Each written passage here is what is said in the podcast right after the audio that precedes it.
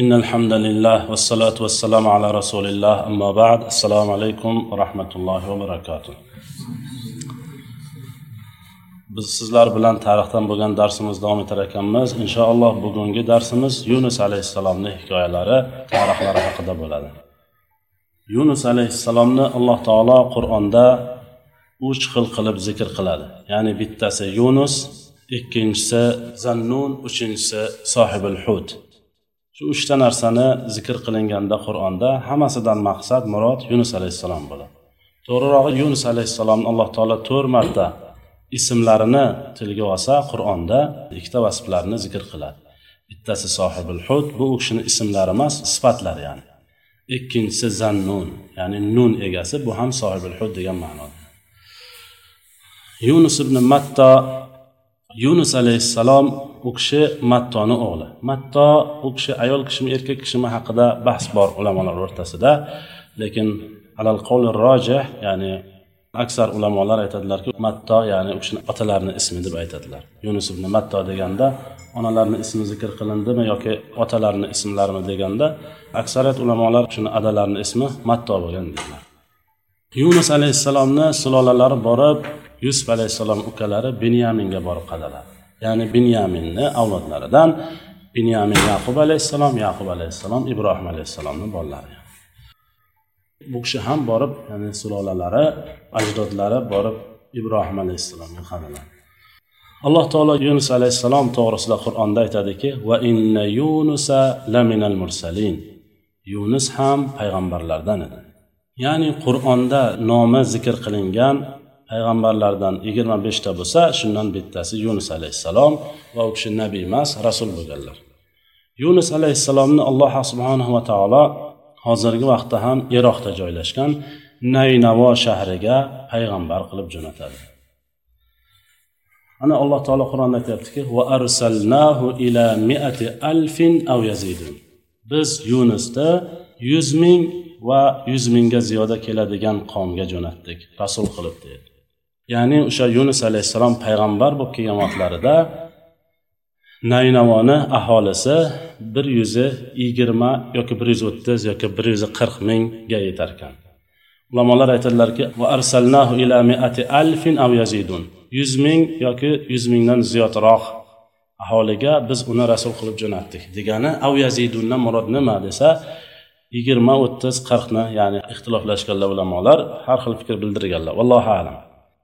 Yunus alayhissalomni alloh taolo rasul qilib jo'natadi qavmni ya'ni tavhidi rububiya va ulug'iyaga va o'zlariga itoat qilishlik uchun. Hamma payg'ambarlarni yo'li shu bo'lgan.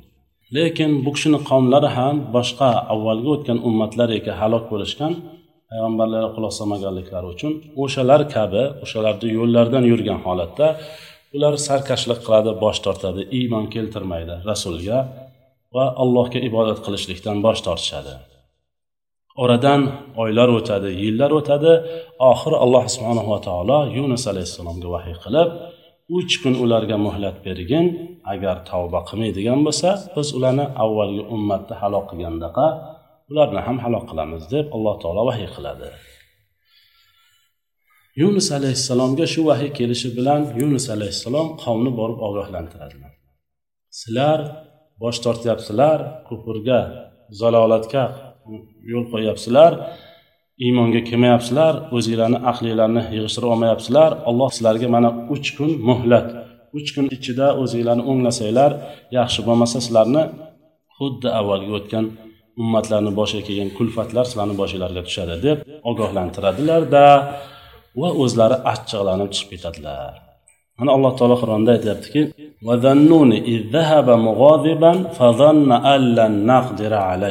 deyapti ya'ni. Zannun nun egasi nun o'zi bizlar bilamiz nun harfini ham arab tilida nun deydi. Lekin nunni yana bir boshqa ma'nosi bor u baliq degani. Kit degani. Sohibil hut ham hut kit degani. Kit egasi deb ham nomlanganlar deb aytib o'tdik hozir nun egasi ham nun ya'ni baliq egasi degani. Lekin nundan murod nima desa ulamolar aytadilarki muhimmas kit bo'lishligi. Katta baliqda arab tilida nun deydi deydilar. Alloh taolo bu yerda yunus demayaptida nun egasi achchiqlanib qavmidan chiqib ketib qoldi. Bas o'yladiki biz uni jazolamasligimizni deb alloh taolo zikr qilyapti. Ya'ni alloh taolo yunus alayhissalomga to'g'ri vahiy qildi. Ularga muhlat bering uch kun. Agar o'zini o'nglamasa ularni biz jazolaymiz halok qilamiz dediyu lekin alloh taolo ruxsat bermagan edi yunus alayhissalomga. Qavmni tashlab chiqib ketishlik to'g'risida. Mana avvalgi ummatlarda bo'lgan nuh alayhissalom masalan qachonki suv tandirni ichidan otilib chiqib boshladi boshlasa uyingda non yopadigan tandiringni ichidan suv chiqsa bilginki kemaga odamlarni olishlik kerak shunda chiqib ketgin ya'ni degan alloh taolo ijozat bergan. Yoki bo'lmasa lut alayhissalomga ham jabroil farishta aytadilarki alaysa subhu biqarib tong sahargacha muhlat berib turaylik. Ya'ni lut alayhissalomni olib ketish kerak qavmi ichidan. Shuning uchun muhlat berib sahargacha sahar paytida keyin ularni hammasini jonini uzatdilar o'shanga o'xshab ularga yana ruxsat berilgan chiqib ketishga yunus alayhissalomga unaqa gap bo'layotgani yo'q. Yunus alayhissalomga faqat aytildiki qavmingizni ogohlantiring. Agar o'ziga kelmasa biz ularni azoblaymiz. Lekin alloh taolo lom mim demadi yunus alayhissalomgaki chiqib ketishlik to'g'risida. Lekin yunus alayhissalom achchiqlanib chiqib ketib qoladilar yunus alayhissalomni achchiqlanib g'azablanib chiqib ketishliklarida ham hikmat bor. Haqiqatdan ham alloh taolo aytyaptiki zannun achchiqlanib chiqib ketdi qavmidan. Lekin biz uni jazolamasligimizni o'yladi deyapti. Ya'ni biz shu qilgan ishi uchun yunusni biror bir jazo bermaymiz deb o'yladi. Nima uchun unday deb o'yladilar? Chunki yunus alayhissalom o'zlari rasullar. U kishi ollohni kalimalarini hammasini oqizmay tomizmay xalqqa yetkazib turibdi. Xalq kofir. Nima uchun olloh u kishidan g'azablanishi mumkin? Shu xulosaga keladilar ya'ni man yetkazyapman ollohni rasuliman elchisiman. Hamma alloh taolo menga qilgan vahiyni xalqqa yetkazyapman. Lekin bular sarkashlik qilyapti. Agar man achchiqlanib chiqib ketadigan bo'lsam ham alloh taolo mani azoblamaydi degan xulosaga kelib chiqib ketib qoladi shu xulosaga kelganliklarini alloh taolo o'zi aytyapti. Endi bu yerda allan naqdira alayh kalimasiga ozgina to'xtaladilar ulamolar. Allanaqdir alayhini ikki xil tarjima qilish mumkin. Biz unga qodir bo'lmasligimizni gumon qildi. Degan fikrni ham bildirishi mumkin. Chunki shuni zohirdan qarasangiz shuni ma'nosini bildiradi. Ikkinchisi g'azablanmasligimizni o'yladi degan ma'no. Lekin ulamolar aytadilarki bir kishi agar o'zimiz ham mana bilamiz oddiy musulmon kishi biladi agar bir odam o'ylasa olloh unga biror jazo berishlikka qudrati yetmaydi deb o'ylasa kofir bo'ladi. Unda shubha yo'q. Shuning uchun ham muoviya roziyallohu anhu bu oyatni tushunmay qoladilar.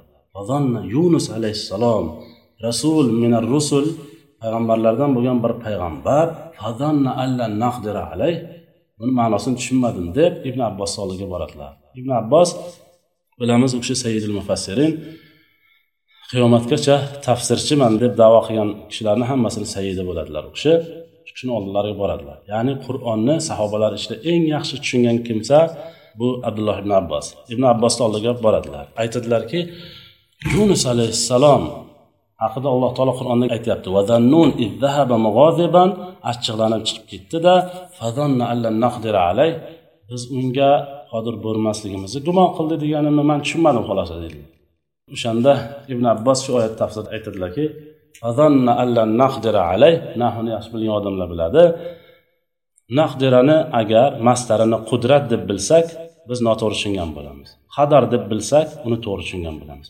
U kishi aytadilar bu oyatda shu naqdira fe'lini mastariga qarang dedilar. Mastaridan murod mastari qudrat emas dedi unda siz noto'g'ri tushunib qolasiz dedilar.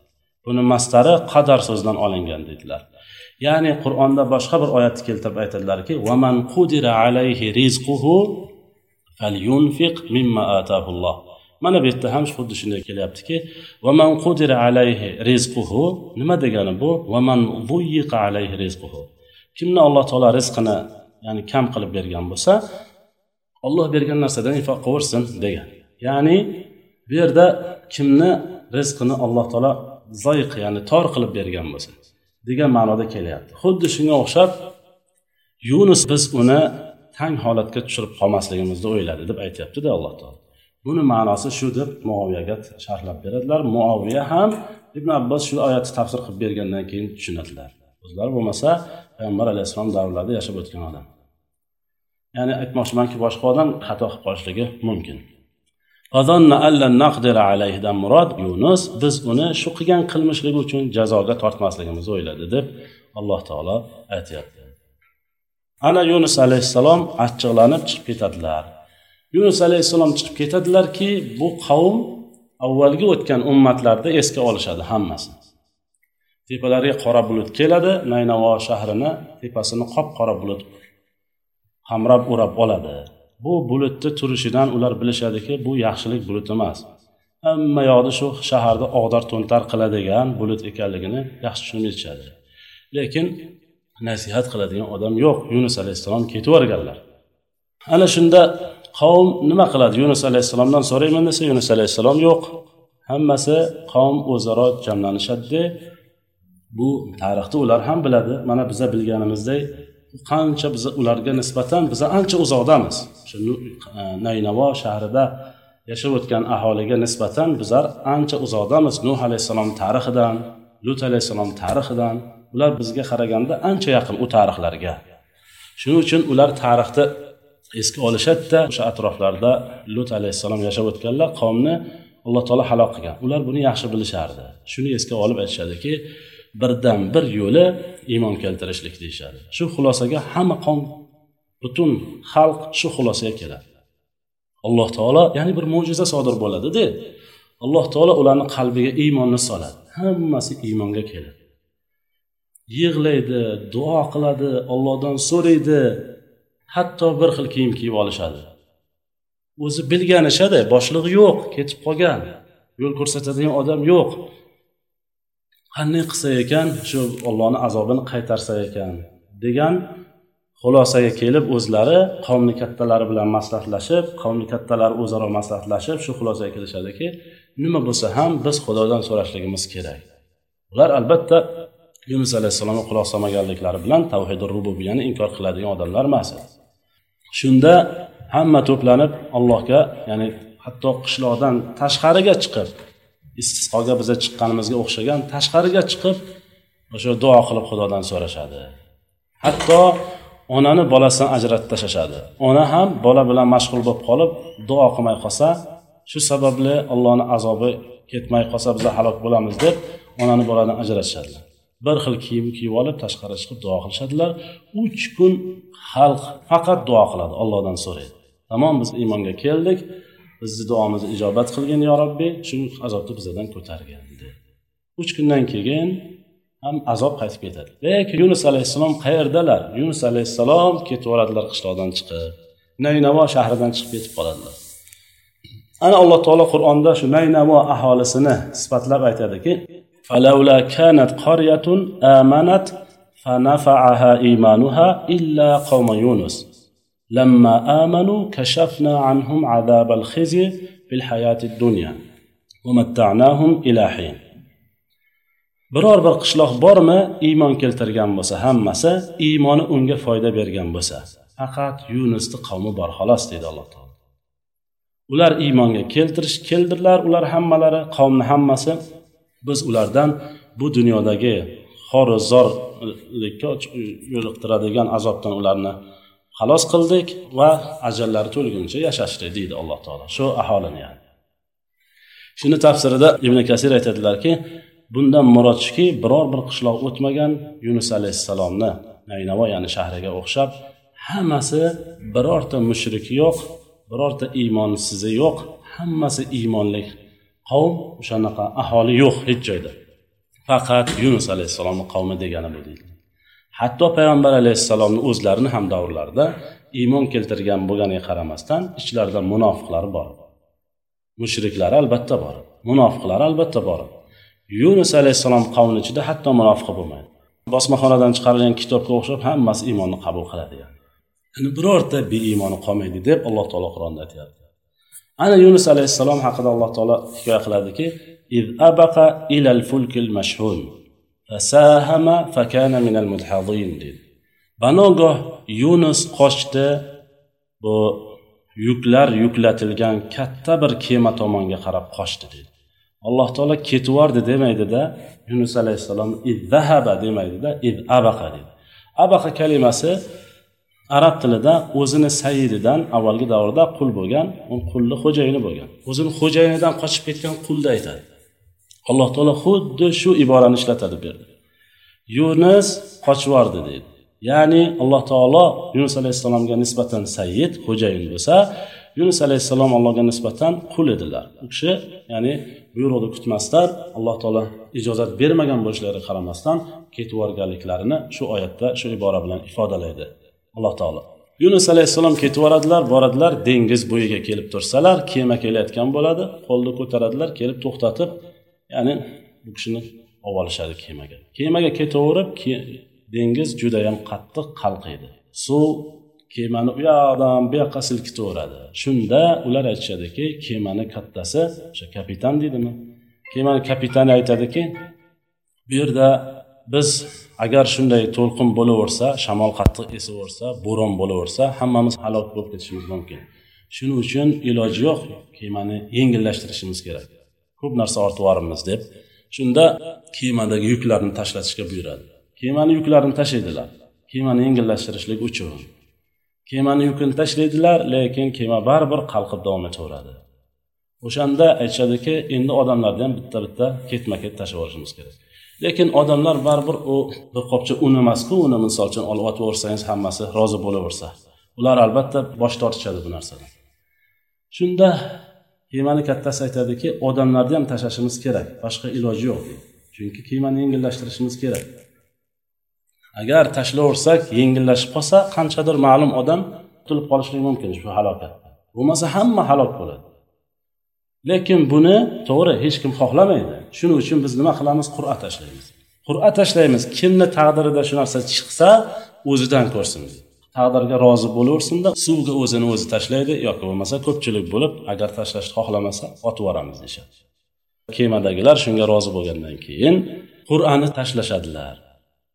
Birinchi nasiba yunus alayhissalom nasibalari birinchi yunus alayhissalomni nimalardan chiqadiki shuni kishini tashlashlik kerak emas kemani kattasi va boshqa ba'zi bir odamlar qarab yunus alayhissalomni yuzlariga bir nuroniy yaxshi bir yigit ekan.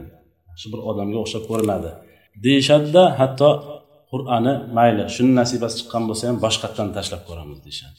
Ya'ni yunus alayhissalomni ular ham tashlashni xohlamaydi. Shunda yana qaytadan tashlasalar yana yunus alayhissalom nasibasi chiqadi. Atrofdagilar hayron bo'ladi. Ikkinchi marta ham yana shu odamni nasibasi chiqadi. Bu marta ham kechiramiz deydi. Bu marta ham kechiramiz deb uchinchi marta tashlasa yana yunus alayhissalomni nomi chiqib kelgandan keyin ular aytishadiki gap shunda bo'lishi ham mumkin deyishadida yunus alayhissalom aytishadiki ana endi sizni nasibangiz shu ekan taqdiringizdan ko'rasiz o'zingizni suvga tashlaysiz deyishadi. O'shanda yunus alayhissalom o'zlarini suvga tashlaydilar. Alloh taolo qur'onda aytyaptiki qur'a tashlanaverdi mag'lublardan bo'laverdi deydi sahama kalimasi mufaala bobida kelyapti. Nahvni bilganlar yaxshi biladi. Mufaala bobida bir ish takror takror bo'lganligini ifodalash uchun mufaala bobiga ko'chiriladi arab tilida. Fasahama fakana minal mudhazin demayaptida alloh taolo. Fasahama fakana minal mudhazin deyapti. Ya'ni ketma ket qur'a tashlandiyu lekin baribir yunus mag'lub bo'laverdi. Bitta ulamolar shundan chiqarib aytadilarki al qur'a jaiza deydi. Qur'a tashlashlik joiz yani yunus alayhissalom davrida ham joiz bo'lgan bizani davrimizda ham payg'ambar alayhissalom davrlarida ham bu narsa joiz. Bunga hujjat payg'ambar alayhissalom g'azvaga chiqqan paytlarida ayollar o'rtasida qur'onni tashlardilar kimda nasibasi chiqsa o'shani olib ketardilar. Bu ya'ni shunaqa holatda hatto qur'a tashlashlik sunnat ham deyiladi. Lekin mana shunaqa holat bo'lib qolsa shunaqa kemaga muzdahima bo'lib qolsa masalan odamlar to'planib qolsa shunaqa qalqib qolsa kinoda tashlash kerak bo'lsa odam o'zini tashlash kerakmi degan narsaga ulamolar aytadilar yo'q bu narsa joiz emas u o'zini o'zi o'ldirish bo'ladi. Al muhim yunus alayhissalom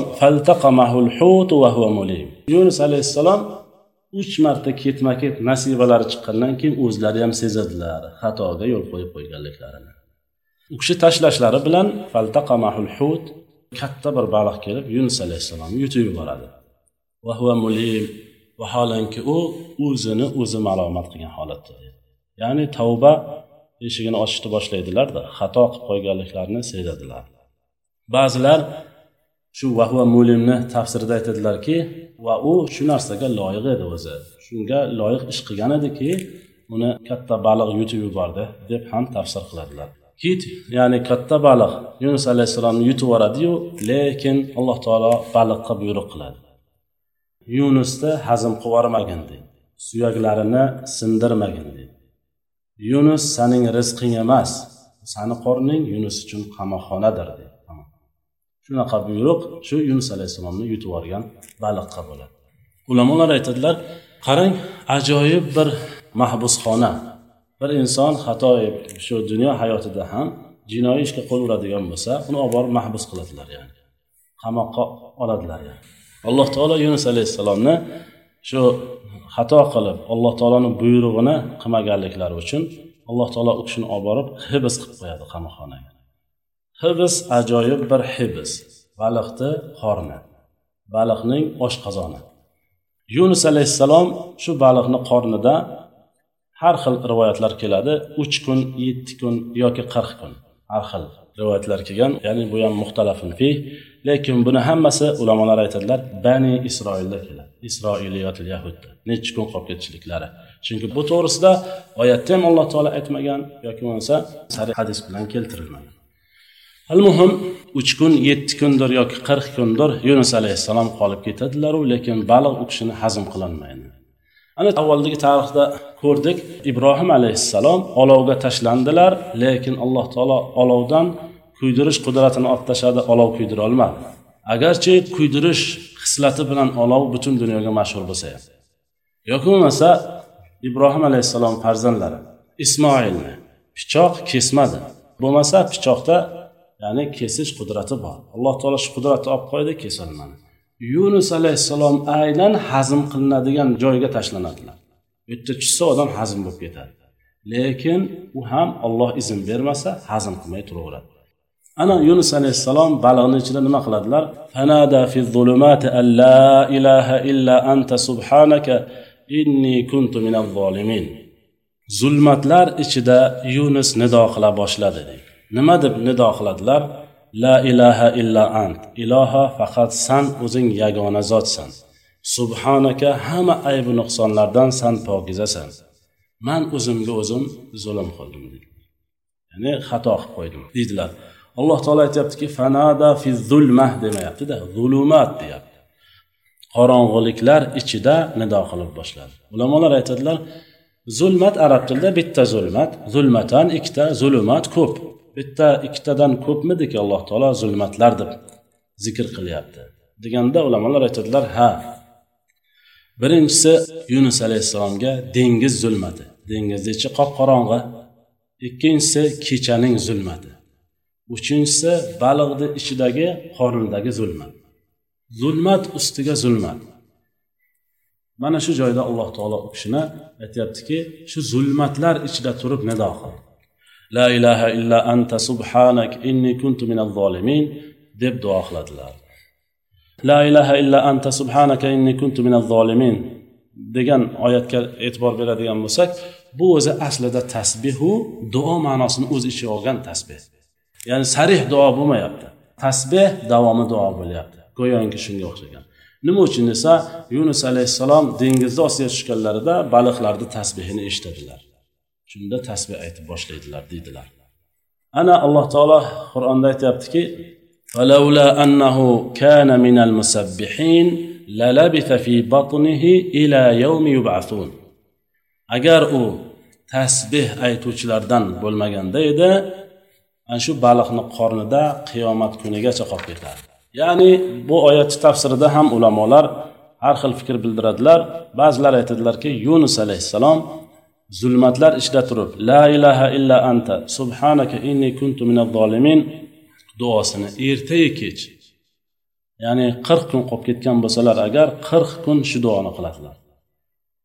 Agar alloh taolo mana shu duo qilib bizdan so'ramaganda edi qiyomatgacha shu baliqni qornida qolib ketardi deb aytyapti. Lekin ba'zi ulamolar bu oyat tafsirida aytadilarki ya'ni baliq uni yutib yuborishdan oldin tasbeh aytuvchilardan bo'lmaganda edi u shuni qornida qiyomatgacha qolib ketgan bo'lardi. Ya'ni avvalidan namoz o'qib ro'za tutib iymonda kelib yurgan odam deb aytsak tushunarli bo'ladi. Yunus alayhissalom avvaldan mana solih odam bo'lganlar nafaqat solih odam shu rasullar shu ollohni rasuli qavmni da'vat qilib yuribdilar. Mana shunaqa holatda bo'lmaganda edi ya'ni tasbeh aytib ollohni poklab yurgan odamlar jumlasidan bo'lmaganda edi shu baliqni qornida qiyomatgacha qolib ketardi. Ana shuni ba'zi ulamolar aytadilarki uzkurulloha firraho ollohni bemalol yurganingizda esga oling. Yadkurukum fi shidda ana shunaqa og'ir ahvolga tushib qolganingizda olloh sizni eslaydi. Mana bunga bir hujjat qilib keltiradilarki yunus alayhissalom xuddi shu ahvolga tushib qoldilar olloh u kishini qutqazdi. Lekin fir'avn ham shu holatda tushib qoladi. Fir'avn ham shu holatga tushib qolganda ikki tomondan suv kelib birlashadigan suvni o'rtasiga qolib ketgandan keyin hola amantu u amantu deydi. Amantu bi robbi haruna va muso deydi. Muso va horinni robbisiga iymon keltirdim deb o'lishidan oldin shuni aytadi ya'ni kalimasini aytadi fir'avn. Alloh taolo unga javoban nima deydi? Endimi deydi alloh taolo. Osiy bo'lib yurardingku mana shu voqea bo'lishidan oldin. San fasod tarqatuvchilardan edingku deydi alloh taolo. Ya'ni u avvalgida tasbeh aytib yuruvchilardan bo'lmaganligi uchun ana shu ahvolga tushib qolgani uchun alloh taolo uni qutqazmaydi. Yunus alayhissalomchi avvaldan tasbih aytib yurgan payg'ambarlardan bo'lganliklari uchun ya'ni alloh taolo u kishini bu holatdan qutqazadi bu kishini baliqni oshqozoni hal qilmaydida oradan yetti kundir qirq kundir o'tgandan keyin yunus alayhissalomni chiqarib bir na daraxtu hech kim bo'lmaydigan bir sohilga suzib keladida yunus alayhissalomni shu sohilga chiqarib qusib tashlaydi ya'ni. Ya'ni alloh taolo u kishini shu g'am g'ussadan qutqazadi yunus alayhissalomni olib kelib baliq bir sahroga qusib tashlagandan keyin alloh taolo aytadiki biz unga yaxtin daraxtini o'stirdik. O'sha qayerda yunus alayhissalom baliq chiqarib tashlagan bo'lsa yunus alayhissalom sohilga chiqib oladilarda quruqlik joyiga lekin u yer jazirama issiq bo'lib yotibdi. Alloh subhanava taolo shu yerda mujizatan minalloh alloh taolo tomonidan mo'jiza bo'ladida yaqtin daraxtini o'stiradi. Yaqtin deganda nimani tushunish mumkin deganda yerga tik turib o'smaydigan narsalarni hammasini yaqtin deydi. Masalan o'rmalab ketadiku qovun tarvuz yoki oshqovoq shular hammasi yaqtinga kiradi deydilar. Lekin ba'zi ulamolar ko'proq yaqtindan murod o'sha oshqovoq deydilar. Bundagi hikmat nima desa oshqovoqni bargi katta bo'ladi. Yunus alayhissalomni shu baliqni ichida ko'p turib qolganliklari uchun shu terilari hammasi ketib qolgan ekan. Qip qizil go'sht bo'lib qolgan ekanlar yunus alayhissalom. Shuning uchun alloh subhanaa taolo u kishini shamoldan hasharotlardan u kishini himoya qilishligi uchun yaqtin ya'ni shu oshqovoq daraxtini o'simligini o'stiradi.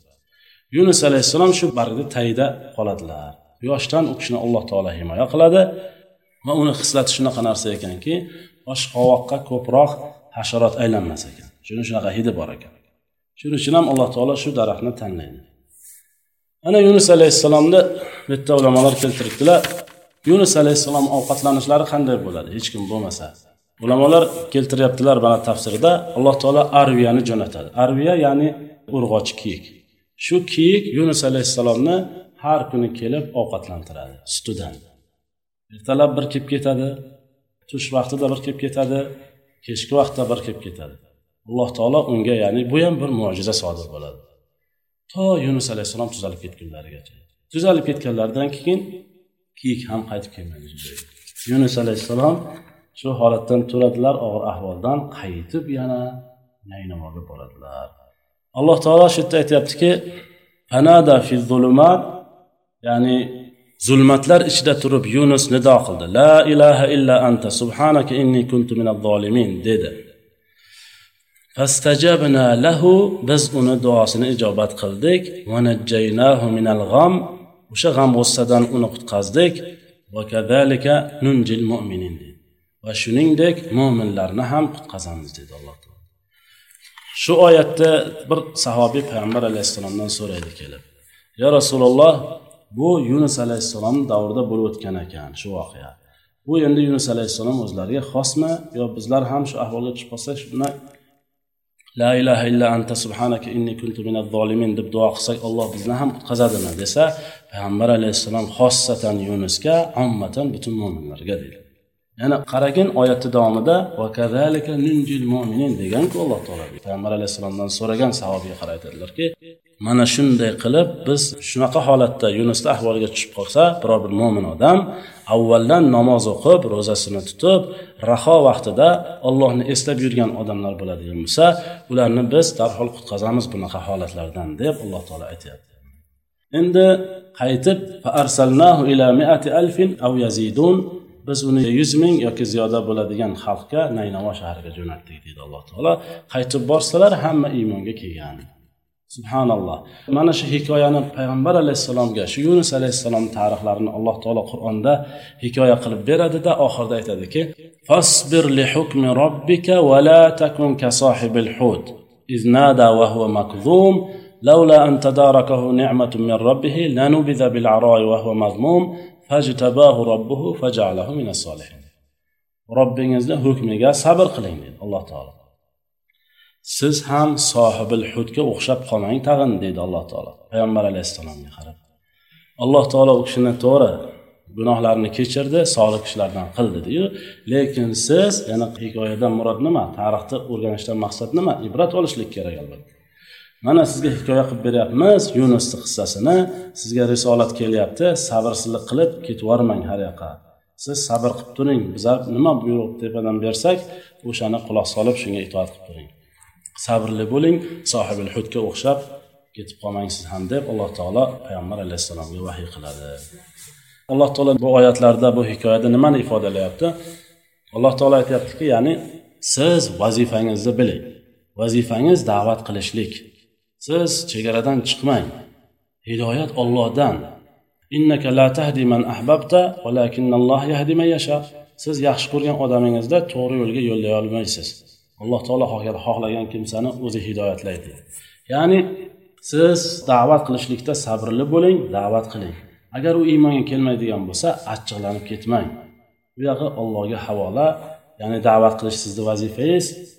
U odamni shu to'g'ri yo'lga boshqarish yoki boshqarmaslik bu ollohni vazifasi ekanligini unutmang demoqchi bo'ladi alloh yana payg'ambar alayhissalom hadislarda aytadilarki la yanbaghi abdin an yaqula ana xayrun min yunus ibn matta. Biror bir bandaga joiz emas aytishligi man yunus ibn mattodan yaxshiroq odamman. Chunki u kishi achchiqlanib sabrsizlik qilib ketib qolganlar mani hayotimda bunaqa voqea bo'lmagan deb ya'ni man doim sabr qilib kelganman deb aytib qo'ymasin nima uchun? Chunki alloh taolo aytyaptiki fajtabahu robbuhu fajalahu minas solihin uni robbisi uni kechirdi solih kishilardan qildi uni deb alloh taolo o'zi aytyapti. Yana payg'ambar alayhissalom aytadilarki la tufazziluni alal anbiya va la ala yunus ibn matta. Mani butun payg'ambarlardan afzal deb aytmanglar va hatto yunus ibn mattadan ham. Endi buni qanday tushunish mumkin? Payg'ambar alayhissalom boshqa bir hadisda shunga ishora bo'ladiki payg'ambar alayhissalom afzalul anbiya payg'ambarlarni va rasullarni hammasini afzali. Lekin bu yerda o'zlari aytyaptilarki payg'ambar alayhissalom meni payg'ambarlardan afzal deb aytmanglar va yunus ibn mattodan ham deb aytyaptilar bu payg'ambar alayhissalom tomonidan bo'lgan kamtarinlik deydilar ulamolar bo'lmasa ma'lum hammaga payg'ambar alayhissalom hamma payg'ambarlardan afzal ekanliklari yana bitta shuni sharhida aytadilarki ulamolar bir payg'ambarni ikkinchi payg'ambardan afzalligini o'sha afzal emas deb o'ylagan payg'ambarni pastga urishlik uchun eslash joiz emas. o'shani pastga urishlik uchun o'sha kamchiligini topib bu payg'ambardan bu payg'ambar afzal payg'ambarni afzallik joyi yo'q deb uni pastga urishlik uchun eslashlik joiz emas vaholanki alloh taolo qur'onda aytadiki tilka rusulu ala ba'z payg'ambarlarni har xil qilib qo'yganmiz ba'zisi ba'zidan ko'ra afzal deb alloh taolo aytadi سبحانك اللهم وبحمدك أشهد أن لا إله إلا أنت أستغفرك وأتوب إليك السلام عليكم ورحمة الله وبركاته